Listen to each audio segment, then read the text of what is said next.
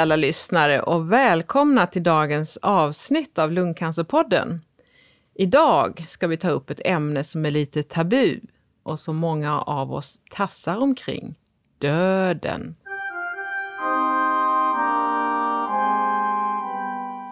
Vi har upptäckt, både Jan och jag, att vi måste förhålla oss till den, vare sig vi vill eller inte.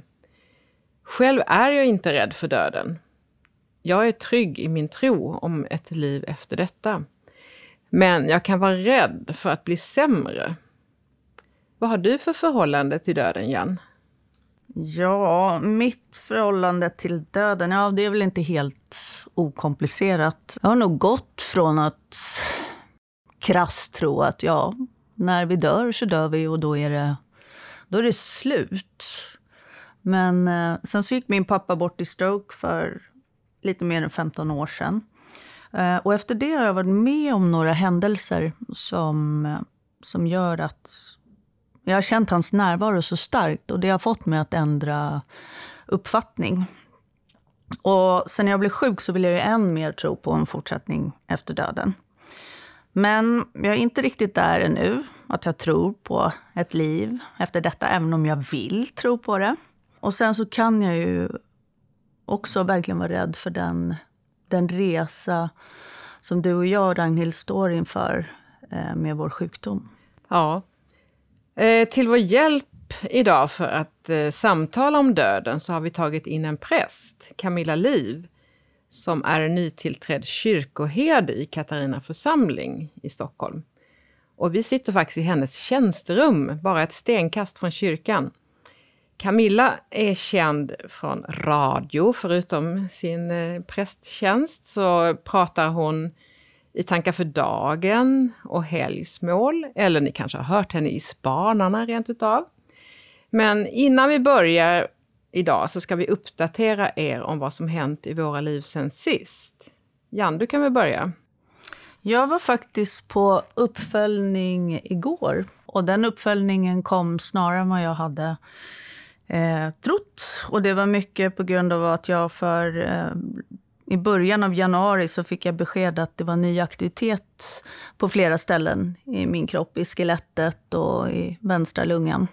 Och det visades på, sig på en PET-CT, så att jag var tvungen att följas upp lite tätare.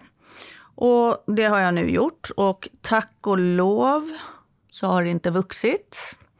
Så att jag kan fortsätta stå kvar på min eh, nuvarande behandling som då är osimertinib eh, Tagrisso. Eh, ja, så det känns som en oerhörd lättnad. Härligt, fantastiskt. Ja. Och du då, Ragnhild? Ja, men jag har ju varit på strålning tre gånger på en vecka av en liten metastas i lungan som hade stuckit iväg.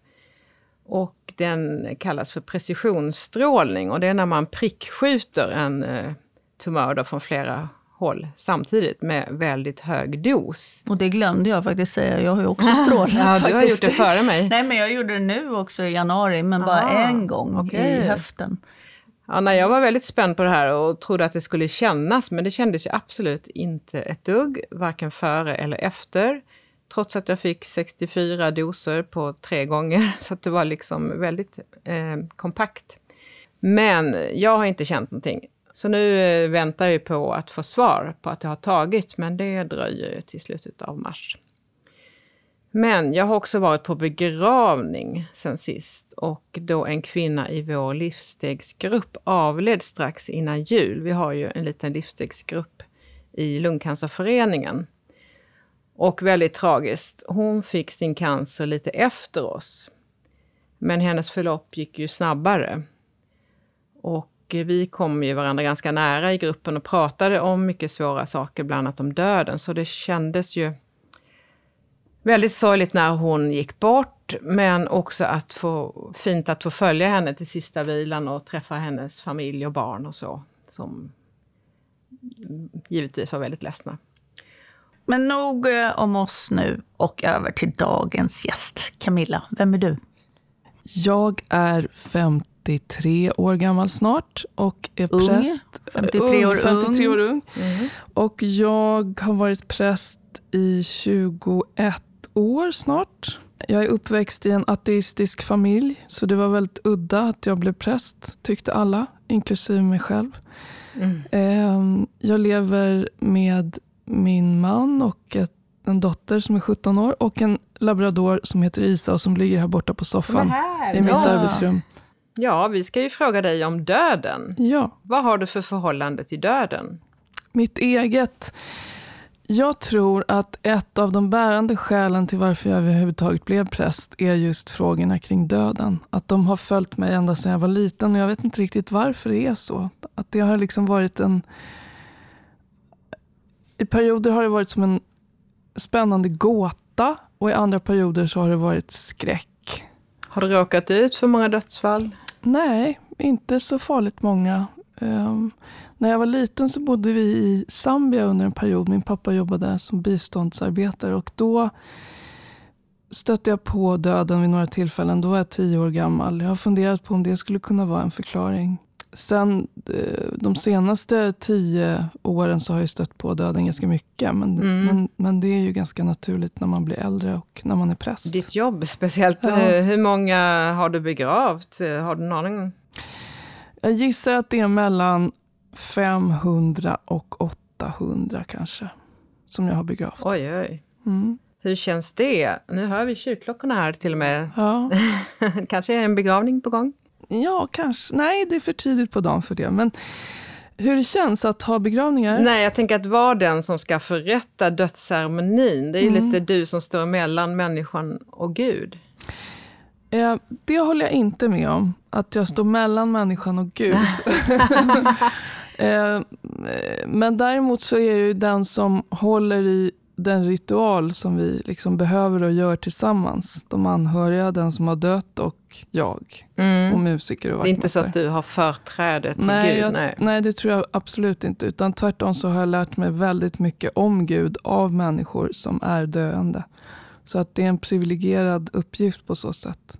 När jag hade prästvigts, då, då kände jag att jag inte riktigt var präst förrän jag hade haft en begravning. Det kändes som det viktigaste? Det kändes som det viktigaste med att vara präst. Mm. Och eh, det känns fortfarande som en otroligt viktig del av mitt arbete. Ibland tänker jag sådär, om inte, om inte präster begravde, vem skulle göra det då? på något mm. sätt? Det måste finnas den funktionen i samhället. Verkligen. på något vis. Och sen så är det också en, en del av mitt arbete som jag uppskattar otroligt mycket. Inte för att jag tycker att det är roligt, men för att det är viktigt. Och för att man får vara del av andra människors liv när det är väldigt viktigt. Men det, men det följer en sak med det. Jag tänker ibland på hur många timmar sammanlagt som jag har suttit vid kistor. Mm. Och att det, det finns i mitt liv som ett svart stråk som jag tror kommer av det. Att jag har tillbringat så mycket tid i dödens närhet. Vad har det gjort med dig? Det har gjort att jag jag tror att det har gjort att jag är mer, att jag är mer tacksam, att jag är mer sinnlig, mer orolig. Um, att jag är väldigt tjatig med att säga att jag älskar människor hela tiden. Du tänker att det kan hända när som helst? Ja. Det har också gjort att jag, att jag har väldiga behov av ytligheter i perioder. Det var en Eh, det var intressant för mig när jag hade haft min första riktigt svåra begravning. Och med svår menar jag då att någon har dött ung eller, eller väldigt plötsligt eller sådär.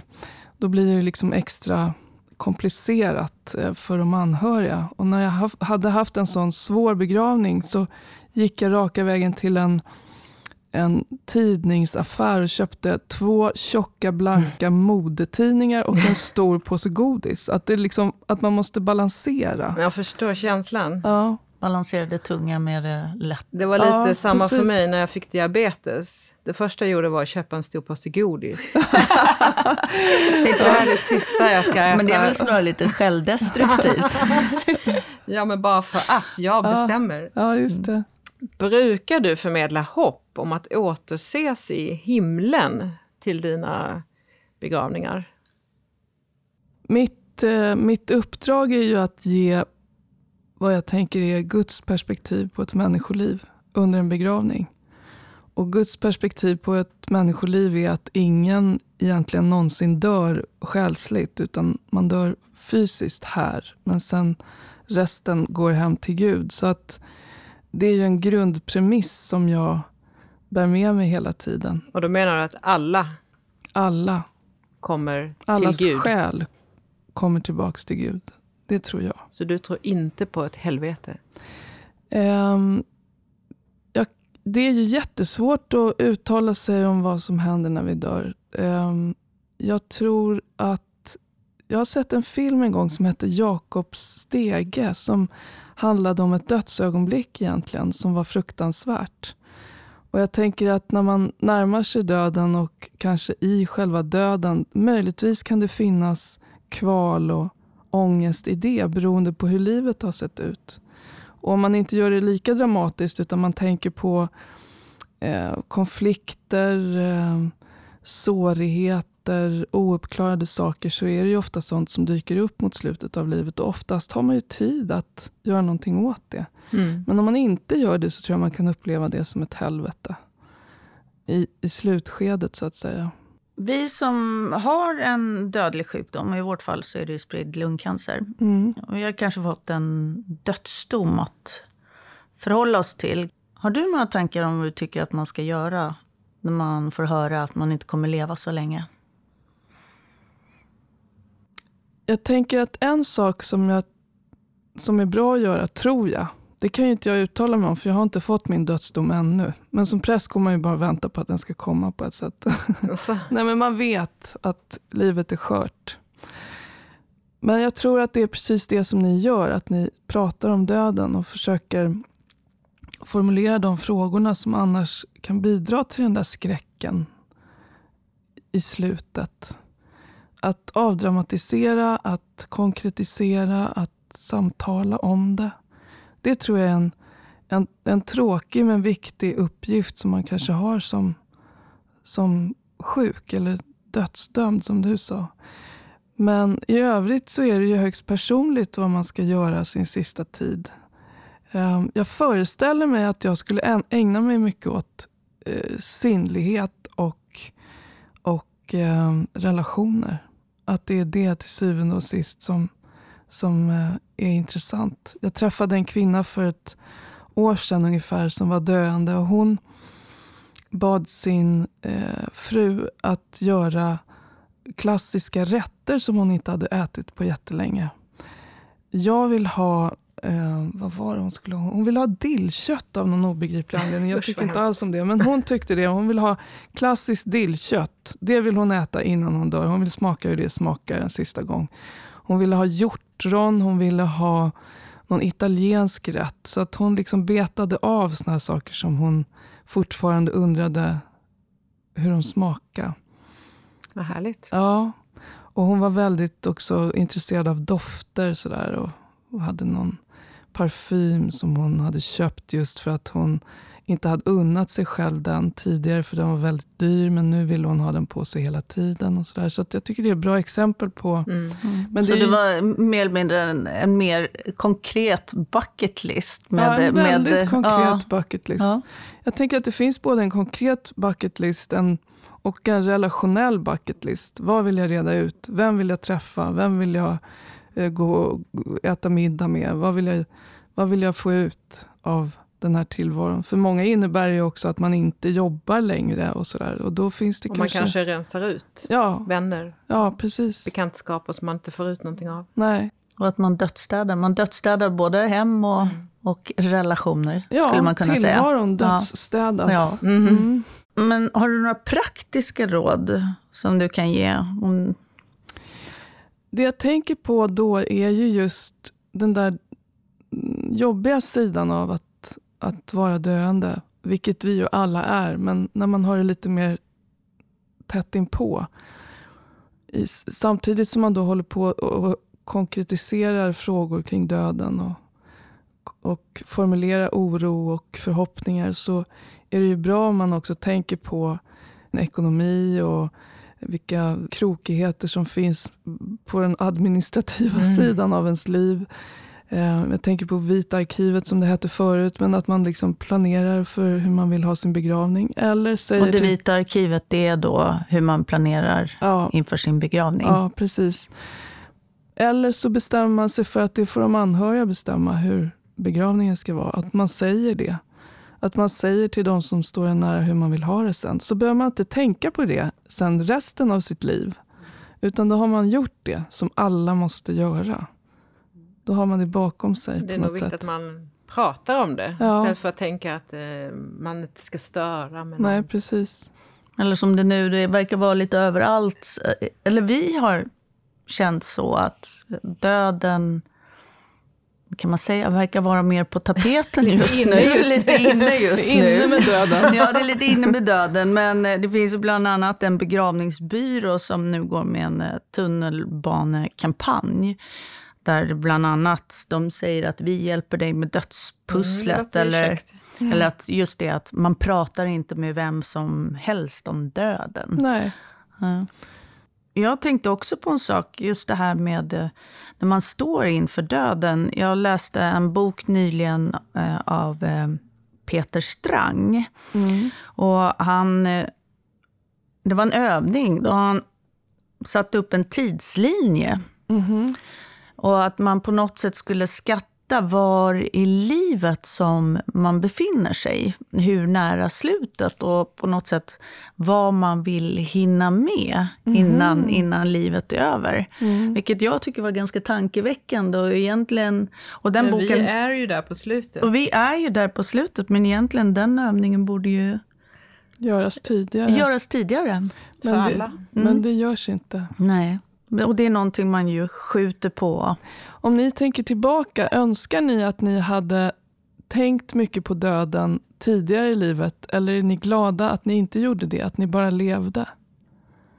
Jag tänker ju inte att jag ångrar någonting som jag inte har gjort. För jag har alltid gjort saker när jag har velat. Jag har aldrig skjutit på saker. Mhm. Så jag har gjort mina resor, jag har gjort liksom saker som jag har känt för väldigt spontant. Mm. Nej, jag kan känna så, att jag önskar att jag hade gjort den tidslinjen till exempel. Så att jag hade satt mig ner och verkligen, vad är det som är viktigt för mig? Vad är det jag vill hinna med? Det hade inte Eh. blivit för... Hade, hade det tagit bort något av din livskänsla då när du... Nej, jag tror snarare att den hade blivit starkare. Ja. För jag tror att också när man känner att man är medveten, det finns ju just det här med meningen med livet, så kan jag känna nu att det också finns på ett sätt mening med döden. Just för att man blir medveten om sin begränsade tid och vad man vill göra av den tiden. Eller kanske inte vet, men det är ett utforskande. Och sen just att de här små sakerna får en helt annan betydelse. Mm. Om vi kommer till känslor då. Mm. Den en rädsla och ångest man lätt får av att veta att ens liv inte kommer att bli så långt som man trodde förut. Mm. Har du några tankar om vad man kan göra med den dödsångesten? Ja, Det första jag tänker är att den är ju så naturlig och begriplig. Så att, och jag tror att den är på sätt och vis ett existentiellt villkor. Det som är lite besvärligt och som jag har tänkt en del på det är ju att, att för hundra år sedan då visste man ju inte Att man skulle dö? att man skulle dö på samma sätt. Alltså en förkylning kunde sluta var som helst. Antingen blev man frisk eller så dog man. Medan vi nu, det är väl kanske lite hårdraget, men nu så vet vi väldigt länge att vi har en sjukdom. Och det är på, ett, på så sätt ett, ett ganska nytt fält av livet där vi går omkring med den kunskapen. Jag kan bli väldigt arg på Gud över Mm. den situation, de vill, livsvillkor vi har, där vi båda är däggdjur med ändliga kroppar. Vi är en samling celler och vi är, vi är dödliga. Men samtidigt så har vi liksom en medvetenhet om oss själva, om, om, om meningen, om evigheten, om, om stora ting. Och de här två sidorna, däggdjurigheten och vår förmåga att reflektera över att vi ens existerar, är väldigt svåra att få ihop. Mm. I den bemärkelsen så kan jag önska ibland att man var mer som min labrador. Att, Mm. att man levde och sen dog För man. dagen. Ja. Ja. Eh, men vår medvetenhet är en tung och vacker och fantastisk och svår sak att bära. Ja, och som i vårt fall, är vi friska eller är vi sjuka? Alltså vi är ju Mm. både och. Mm, Och jag som fick en eh, dödsdom att jag skulle leva i bara två år. mm, Jag har ju levt i två och ett halvt nu mm, och jag känner mig fortfarande frisk. mm. Hur ska man tänka då? Hur ska man tänka då? Det är en väldigt stor uppgift. Och det är inte konstigt att man får ångest i det. Nej. Ehm, Så att jag tänker att det finns skäl att vara arg. Det finns skäl att vara tacksam. Det finns skäl att ha ångest. Det finns skäl att, att bara vara. Får man vara arg på Gud? Ja, det får man definitivt vara. Det får man absolut. Ja, varsågod. Om man har barn då, hur kan man förbereda dem? För att i mitt eget fall, min dotter hon har haft dödsångest hela livet och eh, blivit panikslagen flera gånger. Mm. Och när hon då fick höra att jag fick det här sjukdomsbeskedet där jag kunde dö inom två år. Mm. Jag kanske inte sa det rent ut, men i alla fall, hon blev ju väldigt skärrad. Mm. och fick träffa min kurator på sjukhuset en gång. Men eh, hur pratar man med barn och döden? Jag tror inte man pratar så mycket. Jag tror att man lyssnar. Alltså att det finns öron som lyssnar på hur svårt det är, är nog det första. Men om de inte säger någonting? Om de inte säger någonting så fortsätter man tills de säger någonting. Man ska inte föra in sin rädsla, eller menar du? Nej, jag tänker att man kan inbjuda till samtal naturligtvis. Man kan säga att jag finns här och, och det här är en svår situation både för dig och för mig och vill du prata så finns jag här. Och det kan man väl vara tjatig med. Men, men eh, Men när slutet närmar sig, man Mm. vet jag kommer att dö. Måste man inte ta upp det då? nej, man måste inte det. Du tycker Men- inte att man ska ta avsked på något sätt? Jo, det kan man göra, men det beror ju på hur små barn man har naturligtvis. Min erfarenhet är att de flesta barn eh, tar döden ganska naturligt, men när det blir större barn och svårare, då måste man respektera deras process. En viktig sak däremot är att om man kan se till att barnet får se den som har dött. Det tror jag är viktigt för framtiden. Mm. Jag tror också att det är viktigt att barnen är med på begravningen. Mm. Det skulle man ju inte förr. Nej, jag vet. Jag har också tyvärr blivit utesluten från en begravning som hade varit viktig för mig. Men bortsett från det så tror jag inte man kan tvinga barnen att prata mer än de vill. Det kanske är bättre då att de får prata med någon utomstående. Det tror jag ofta att det är. Jag har märkt att det kan vara så. Men då, det finns ju i alla människor, stora som små, någon slags förmåga att, att förse sig med det man behöver, när Och man barn behöver det. förstår ju ofta mer än man tror. Ja, precis. Men jag tänker, du har ju ändå varit med många gånger när det är i, i slutskedet. Mm. Har du några råd till närstående? Ja, till exempel, hur, hur, ska de, hur ska de vara? Hur ska de agera? Närstående ska i möjligaste mån vara nära den som är döende. För att det är ett sånt otroligt viktigt tillfälle att lära sig jättemycket om livet. Och döden. Hur då? Jag tänker att det finns en beröringsskräck, eller har åtminstone funnits. Nu säger ni att det kanske är lite trendigt med döden och det gläder mig. Men, men det har funnits en beröringsskräck med döden i, i vårt land åtminstone, som gör att dels att det blir ensamt att vara döende för att människor inte vill komma. Det kan vara så. Men också för att döden är oundviklig för alla. Så finns det tillfällen att vara nära detta oundvikliga så ska man vara det om man törs. Mm. Och om man då är nära, Mm. ska man vara på ett Nej. särskilt sätt? Vi Nej. är människor allihopa. Vi Vi människor. vet, vi vet. Vi vet att det är svårt och vi vet hur det är att vara människa. Och vi har en inlevelseförmåga och vi har kärlek och vi har rädslor. Så det finns ingen manual för hur man ska vara. Men om man lyckas ta sig över tröskeln och ta sig dit så är det en stor gåva för alla inblandade, tänker jag. Jag har ju varit med ett par gånger där man har gått och väntat på en närstående som ligger för döden. Mm. Och då vill man ju veta hur lång tid ska det ta? Ja. Och man frågar alla inom sjukvården. Ja. Men hur lång tid brukar det ta? Och det är ju ingen som kan säga det. Nej. Samtidigt, jag hörde också jag hörde om en, eh, om en mamma som hade förlorat sin son i, i cancer. Mm. Och eh, hon visste att det var nära mm. och, och, läkarna hade sagt det. Mm. Men hon sa inte det till sin son. Mm. Han visste inte om det. Han, mm. han, var, han var liten. Um, och hon kunde ångra det efteråt. För att det på något sätt hade inte gett honom möjlighet att uh, säga adjö och förstå att, att det snart var dags. Mm. Hon kände stor ånger inför det. Och, men läkaren hade ändå varit så att, nej men säg inget för då förlorar han allt hoppet. Och att mm. hoppet mm. på något sätt är det sista, det sista som, som lämnar oss. Det är väldigt intressant det där. för att Nästan alltid när jag sitter med människor i samtal inför en begravning så frågar jag hur gick det till när hon eller han dog? Och då så beskrivs situationer som aldrig är exakt som man hade hoppats.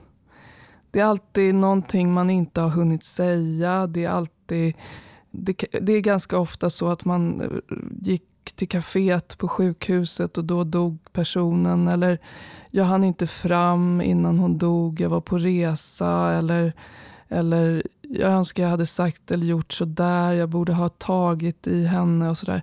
Det finns liksom inte det perfekta ögonblicket där allting är fullkomligt. Och det gör ingenting. För att det är inte det ögonblicket som avgör, utan det är alla, allt man har gjort tillsammans fram tills dess som är innehållet på något sätt. Men det låter som att det låter ofta som att man tror att, att det har gjort liksom en irreparabel skada, att det inte var helt perfekt. Men livet är inte helt perfekt, inte heller döden. Men jag tror ändå jag lutar åt, om jag måste välja perspektiv, att sanningen ska göra oss fria och att de flesta vet att de är döende, särskilt barn. Min pappa gick bort i en stroke och han låg medvetslös en hel dag innan han dog. Mm. Och jag var hos honom på, på sjukhuset. Och, och vi hade fått höra just eller att det sista sinnet som sviker är hörseln. Och min pappa var jude, så vi spelade en hel del jiddisch eh, musik. Då. Mm. Och sen så när det var eh, när det var dags, höll jag på att säga, men när pappa då dog, eller somnade in. Mm. Det finns ju många olika ord mm. för det. Mm. Eh, då blev han rosig i, i hela ansiktet och blev otroligt fridfull. Mm. Och det var en fridfull stämning eh, i rummet. Och det var, det var så fint, just det där som du sa tidigare Camilla, om att, att få vara med och få vara där när någon eh, närstående går vidare. Går vidare. Mm. Ja, I mitt fall var det så att när min mamma dog så låg hon på eh, akutmottagningen och var inte kontaktbar. Men hon sprattlade väldigt mycket med benen. Mm. Och där, när vi frågade om det så sa de på avdelningen att det, det är ett tecken. Men eh, har du någon erfarenhet av hur man ser att en människa, att det snart är dags?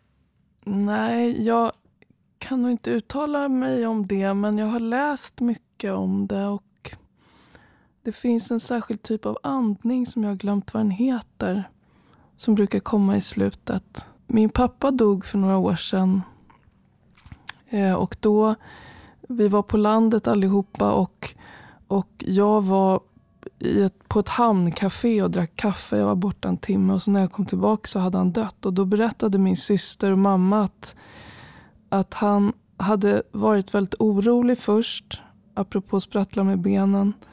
Och sen hade han blivit lugn och börjat andas på ett annat sätt. Och sen hade han tittat med det som min mamma kallar för en brusten blick. Min mamma är sjuksköterska och har jobbat mycket inom äldrevård och sådär. Så att hon kände igen den där blicken. Det var som en blick som liksom var fäst någon annanstans. Inte ens i rummet, utan okay. någon helt Han annanstans. såg in i evigheten? Ja, på något sätt. En brusten blick som inte fäster sig vid det som är precis runt omkring. Min, min syster trodde att han höll på att somna. Men sen så dog han då. Så det där med andningen verkar ju vara en sak som många inom vården känner igen. Den där typen av andning som har ett namn som jag har glömt. Den där blicken är också någonting som tycks återkomma. Det är de sakerna som jag har hört talas om. Mm. Nu har vi varit inne på det här med döden och eh, meningen med döden, men har du någonting att tillägga? Om jag fick bestämma så skulle ju människor få leva tills de var ungefär 150 och mätta av dagar, som det står i Bibeln. Att mm. man är mätt av, att man är proppmätt. Man bestämmer själv. ja, men också att man är proppmätt. När man är så gammal att man inte blir sugen på en vår till, då tycker jag att då kan man då kan man Men det är ju många som säger så, att de är mätta på livet. Ja. Som vill dö. Bra, då kan de få göra det. Men de som inte är mätta på livet skulle mm. helst få slippa, tycker jag. Men är du för dödshjälp då? Jag är inte för dödshjälp, med stor reservation och, och respekt för de som har så ont rent fysiskt att de nästan inte står ut. Men då finns det ju nu för tiden något som heter palliativ sedering, har jag förstått. Okay. Och det är att om man har så ont att man inte står ut, då kan man bli sövd. Mm. Eller om man har sån tiden. ångest också. Ja. Mm. Men man lever ju. Man lever, men man, mm. man, vet, man har inte ont. Ja, i början av min eh, sjukdom, mm. så, som vi nämnde tidigare, jag, jag har i alla fall en stor skräck inför, eller skräck, jo, jag har en rädsla inför det, det förlopp som vi står inför. Mm. Och då tänkte jag så här, om det blir allt för jobbigt, då vill jag kunna kasta in handduken. Så jag tittade på och har lyssnat på olika berättelser om just att få aktiv dödshjälp mm. i, i, i Schweiz. Mm.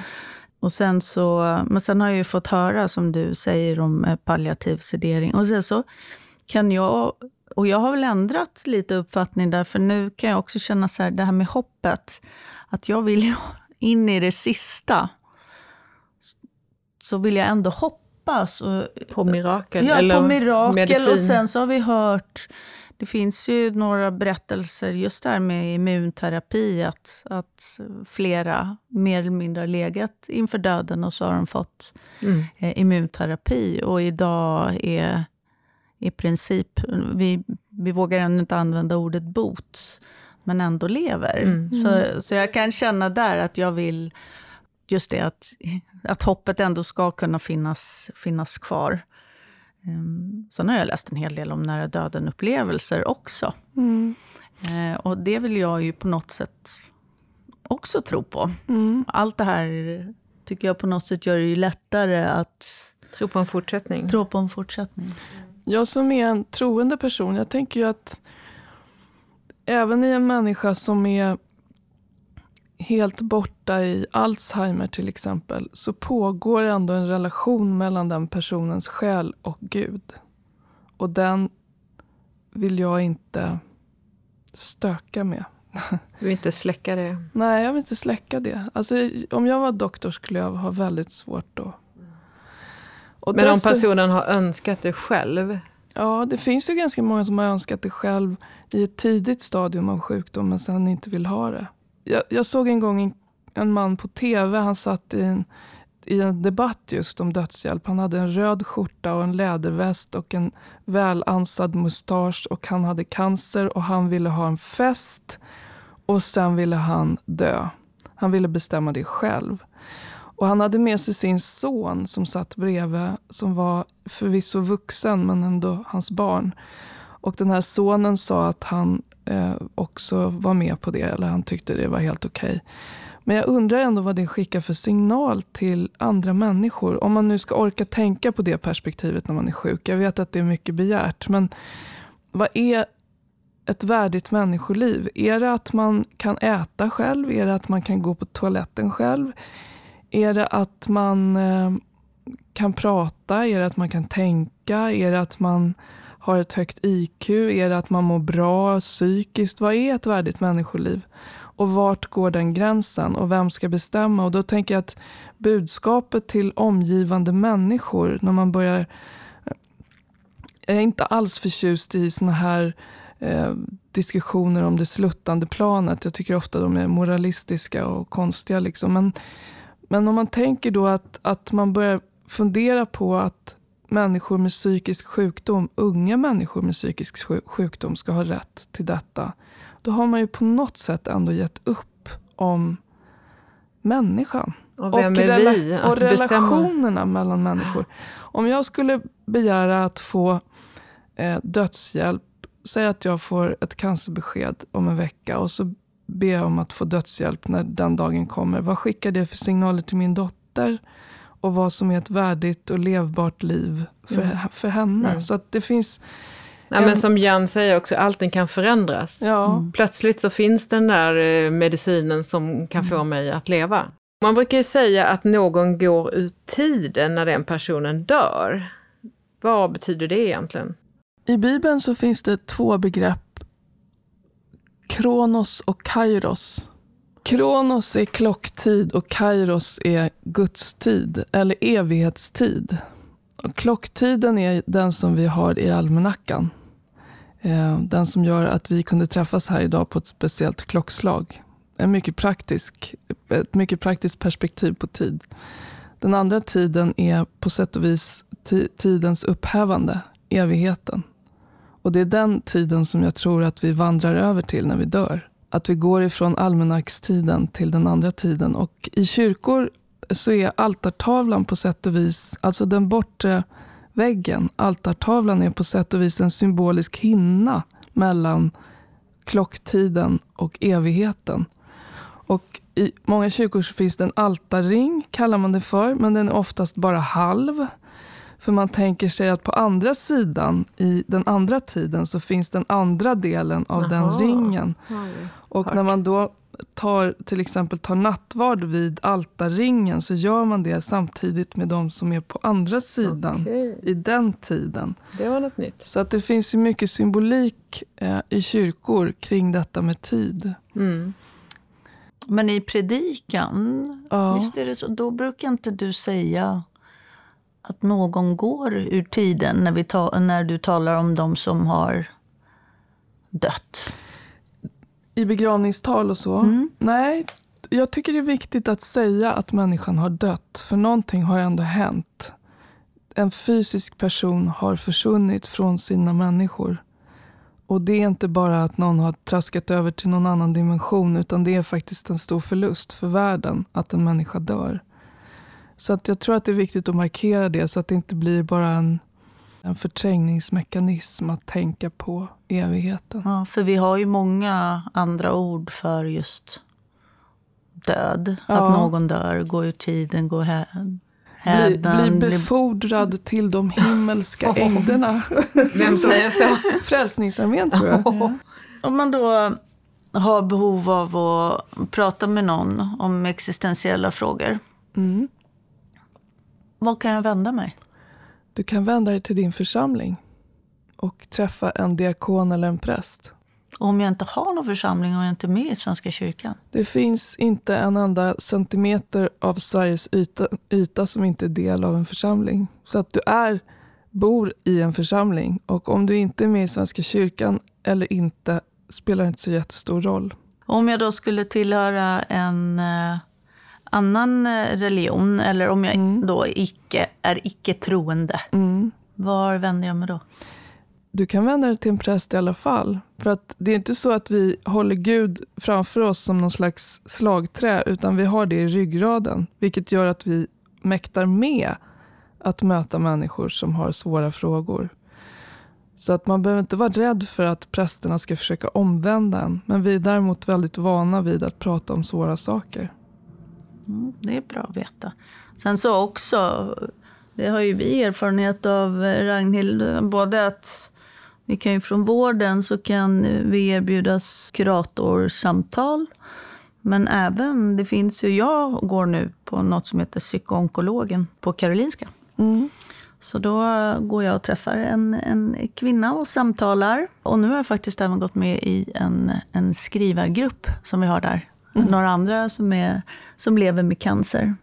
Mm. När min pappa hade dött så beställde jag en kortlek som heter Dö, dö bra. Ja, jag Eller har också den. Jag har inte öppnat den ännu. Och den innehåller en massa påståenden, eller vad man ska säga. För mig är det här viktigast. Och massa olika saker. Så får man välja ut vad som är viktigast i livet. Och så får man rangordna det, ungefär som den här tidslinjen. Är det för den döende eller för de anhöriga?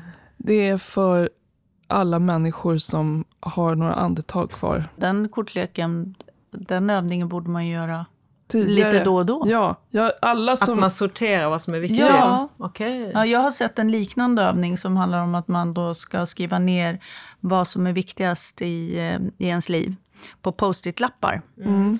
Och sen just att man ska rangordna de här mm. post-it-lapparna. Och till exempel när du står inför ett nytt skede i ditt liv eller om du ska byta jobb eller ja, du vill göra någonting och åstadkomma en förändring. Ska man titta på de där lapparna och utifrån det så ska mm. man också göra sina val. Mm. borde man ju sortera varje dag nästan. Men den här kortleken är fantastisk för att det är massa saker som man kan sortera. Min, min släkt blev ju otroligt trött på mig för att mm. alla skulle göra det där. Men, men jag tycker fortfarande att den är användbar. Då ska så jag det kan jag den. rekommendera. Mm. Om jag då ligger på sjukhus och vill träffa någon för att tala om döden och existentiella frågor, hur gör jag då? Ofta finns det en sjukhuskyrka. Mm. Och eh, gör inte det så finns det i alla fall en beredskap i, i det stift där man bor. Och okay. Stift är liksom ett antal församlingar. Och om man pratar med sjukhuspersonal så vet de oftast vem de ska vända sig till. Och Det finns också för muslimer, och för judar, och hinduer och mm. buddhister. Så att det finns människor som man kan ringa in. Det brukar kommer. ju slå ansl eh, på anslagstavlor brukar det stå att sjukhuskyrkan finns och Precis. vem som jobbar där. Och ja. jag som exempelvis går på Nya Karolinska, jag går alltid in i andaktsrummet som ja. ligger precis i ankomsthallen. Det är som en flygplats ju. Ja. Rakt fram. Till höger. Ja, till höger och tänder ett ljus. Det är liksom standard för mig och så skriver jag en liten bön och sätter på trädet. Och det ja. känns så skönt att få liksom avlastning ja. innan det här jobbiga. Mm. Och det har jag också faktiskt börjat göra. Mm. Det känns jättefint. Mm. Vissa tror ju att man kan få kontakt med sina döda redan här i livet. Mm. Har du någon erfarenhet av det eller tankar kring det? Jag har undrat om jag ska möta min pappa på något sätt, om han ska komma till mig i en dröm eller så. Men det har inte hänt ännu.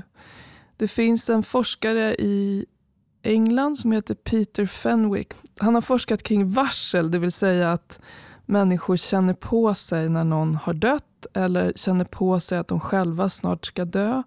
Han har forskat kring nära döden-upplevelser, när människor har kommit tillbaka från tillstånd där de bevisligen inte har kunnat tänka sig till sina nära döden-upplevelser. Och han har också forskat kring dödsbäddsfenomen, det vill säga vad patienter erfar i dödens närhet.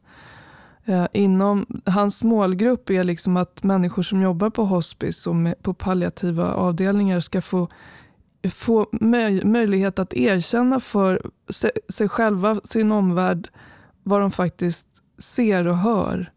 Men det här är ganska tabubelagt för att eh, det är många som säger att det där är hokus pokus. Men han har föreläsningar på Youtube, han har skrivit böcker.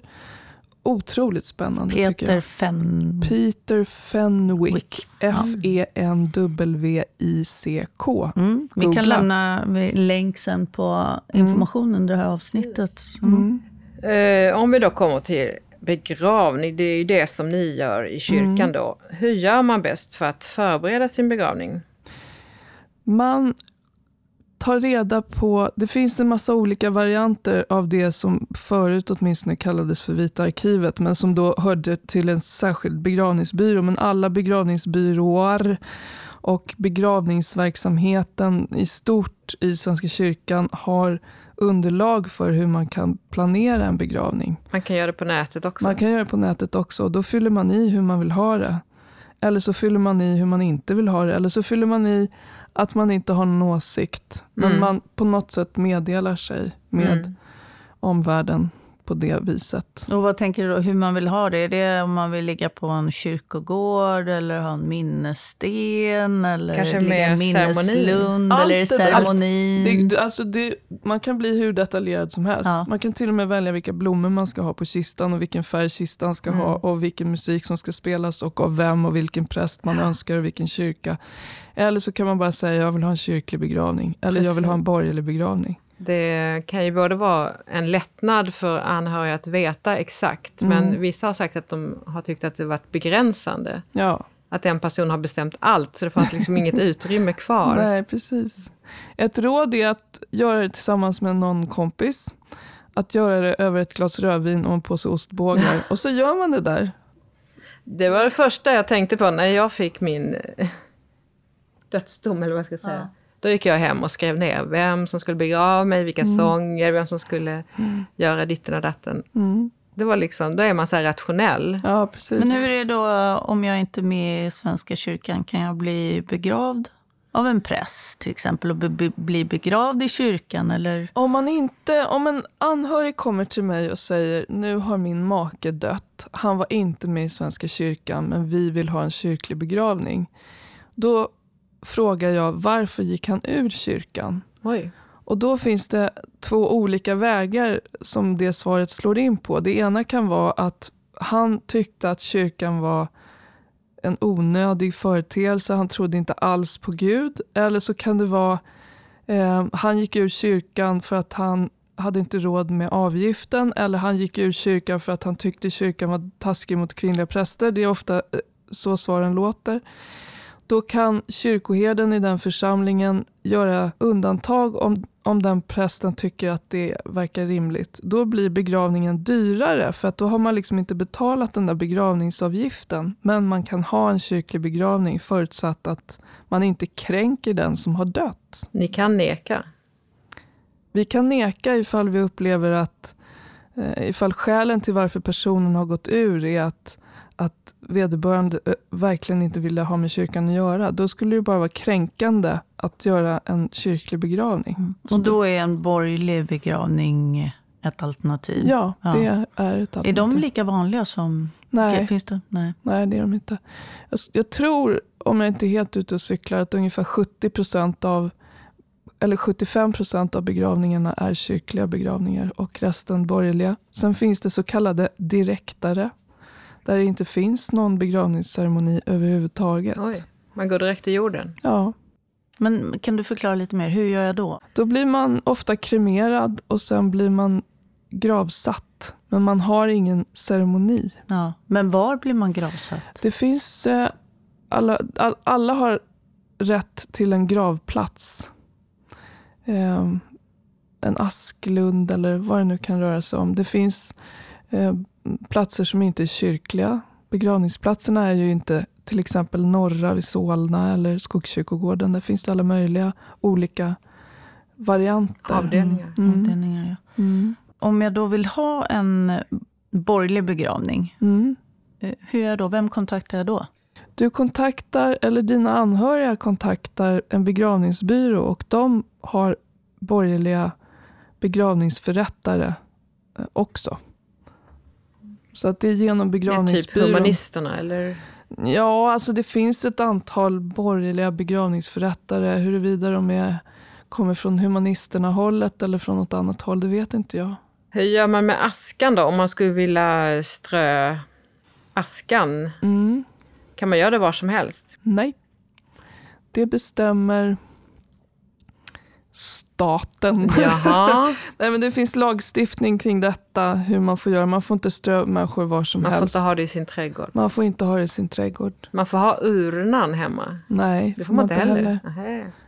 under någon kort period kan man få ha det i väntan på någonting. Om man Mm. har fått tillstånd till en ceremoni. Min morfar var väldigt arg på att han inte innan han dog kunde få bestämt om han fick strös i havet eller inte. Ja. Utan det måste ansökas om det efter att man har dött. Men han fick tillstånd så han ströddes i havet. Och då är det på något speciellt ställe? Jag vet faktiskt inte vem som Nej. bestämmer det där. Okej. Men det är inte kyrkan i alla fall. Så mycket vet jag. Ja. En fråga där. Mm. Om jag vill donera mina organ Mm. till organdonation, Mm. hur funkar det? Jag tänker med Vi sa ju inte det, eller hur? Nej, men jag tänker... Ja, det är en bra fråga. Får vi inte Det det? inget fel på era hornhinnor? ja, exakt, våra hornhinnor. Finns det något som någon vill ha? Ja. Nej, jag vet till exempel att min pappa, de ville ha hans hornhinnor, om Ja. vi nu pratar hornhinnor. Men han var jude och där tillåter man ju inte Nej, det, okej. utan där ska man ju begravas hel, hel orörd. Just det. Hur fungerar det inom Jag kristendomen? är totalt med i donationsregistret. Men då, då donerar man sina organ och sen lappas man ihop? Ja, och, det görs. Absolut. De tar ut det som de behöver och sen så Utan begraver man resten. Eh, Vi var lite inne på också där just så här begravnings, begravningen som sådan och ceremonin i, s- i Svenska kyrkan. Hur, hur reglerad är den? Kan jag till exempel välja vilka låtar jag vill som ska spelas? Kan jag ha hårdrock på min begravning? Det, alltså, det, det är upp till varje församling egentligen hur de arbetar. Och då finns det ju en massa otroligt begåvade kyrkomusiker som kan spela nästan vad som helst. Men när man begraver en ung person som har lyssnat på speciella artister så finns det mycket goda skäl att spela upp den musiken som den är och inte översatt till flygel eller orgel eller så. Men det är väldigt olika i olika församlingar hur det Är ser det ut. kanton som bestämmer då? Det är kanten och kyrkoherden som ofta har en policy för sin begravning. Eh, Jag läste nyligen idén om en kompis till mig som är präst, att hon begravde en ensam person utan några anhöriga eller vänner som kom på begravningen. Men de öppnade dörren det sista de gjorde för att se om det fanns någon människa som ville komma in. Och då slank en katt in. Mm. Och den här katten fick vara med på begravningen och hoppade till och med upp på själva kistan medan hon läste hela ceremonin. Mm. Och eh, sen visade det sig efteråt att den här mannen hade varit en stor djurvän. Så det blev liksom en symbolhandling på något sätt. Det kändes ju lite fint. Och den här har ju valsat runt i pressen, den här berättelsen. Mm. Men hur vanligt är det att någon begravs utan anhöriga? Det är inte jättevanligt, men när jag har fått sådana begravningar så har jag sett till att det, att det kommer några från, från eh, kollegiet och att jag har extra fina kläder och att det inte alls slarvas med det. Mm, vad fint. Fint. Innan vi säger tack för idag så vill vi passa på att rekommendera din ljudbok, Camilla. Ja, vad roligt. Ja, Livet med liv. Japp. Som du har producerat och publicerat tillsammans med ljudbokstjänsten Storytel, eller hur? Ja, precis. Du kan väl berätta lite kort, vad handlar den om? Det är åtta kapitel som utgår ifrån olika, som mest utgår ifrån olika bekymmersamma känslor. Avund och skam och klimatångest. Och sen är det ett kapitel som handlar om döden, ett om kärleken. Ja, lite sådana saker. Som jag problematiserar på olika sätt och tänker kring. Jättefin, jag har lyssnat på Låter den. spännande. Den kan jag varmt rekommendera. Eh, annars, har du några ord som du vill lämna våra lyssnare med? Jag tänker på det här som du berättade Jan om att du gick den här skrivarkursen och det gjorde mig så himla glad för jag tänker att ni som har en diagnos och som tvingas till att reflektera kring livets slut har en kunskap och en insikt och en tillvaro som alla andra människor måste lära sig saker om. Jag önskar att alla lyssnade på er och att ni frikostigt eh, formulerade er kring vad som pågår, hur det känns, hur ni tänker. Att det fanns ett givande och tagande. För att vi sitter alla i samma båt. Vi sitter alla i samma Det är ju det båt. som är så märkvärdigt. Mm. Eller vi får verkligen tänka in oss hur det är att dö, men alla ska göra samma resa. Mm. Med dessa ord säger vi stort tack för idag, för att du gästade oss Camilla. Tack så mycket, det var en ära. Ja, och talade med oss om ett ämne som är väldigt angeläget. Och tack Taylor för hjälp med inspelning och redigering även denna gång. Och tack lyssnare där ute för er feedback. Det är jättekul att ni skriver och berättar vad ni tycker om våra avsnitt och det får ni gärna göra om den här delen också med döden.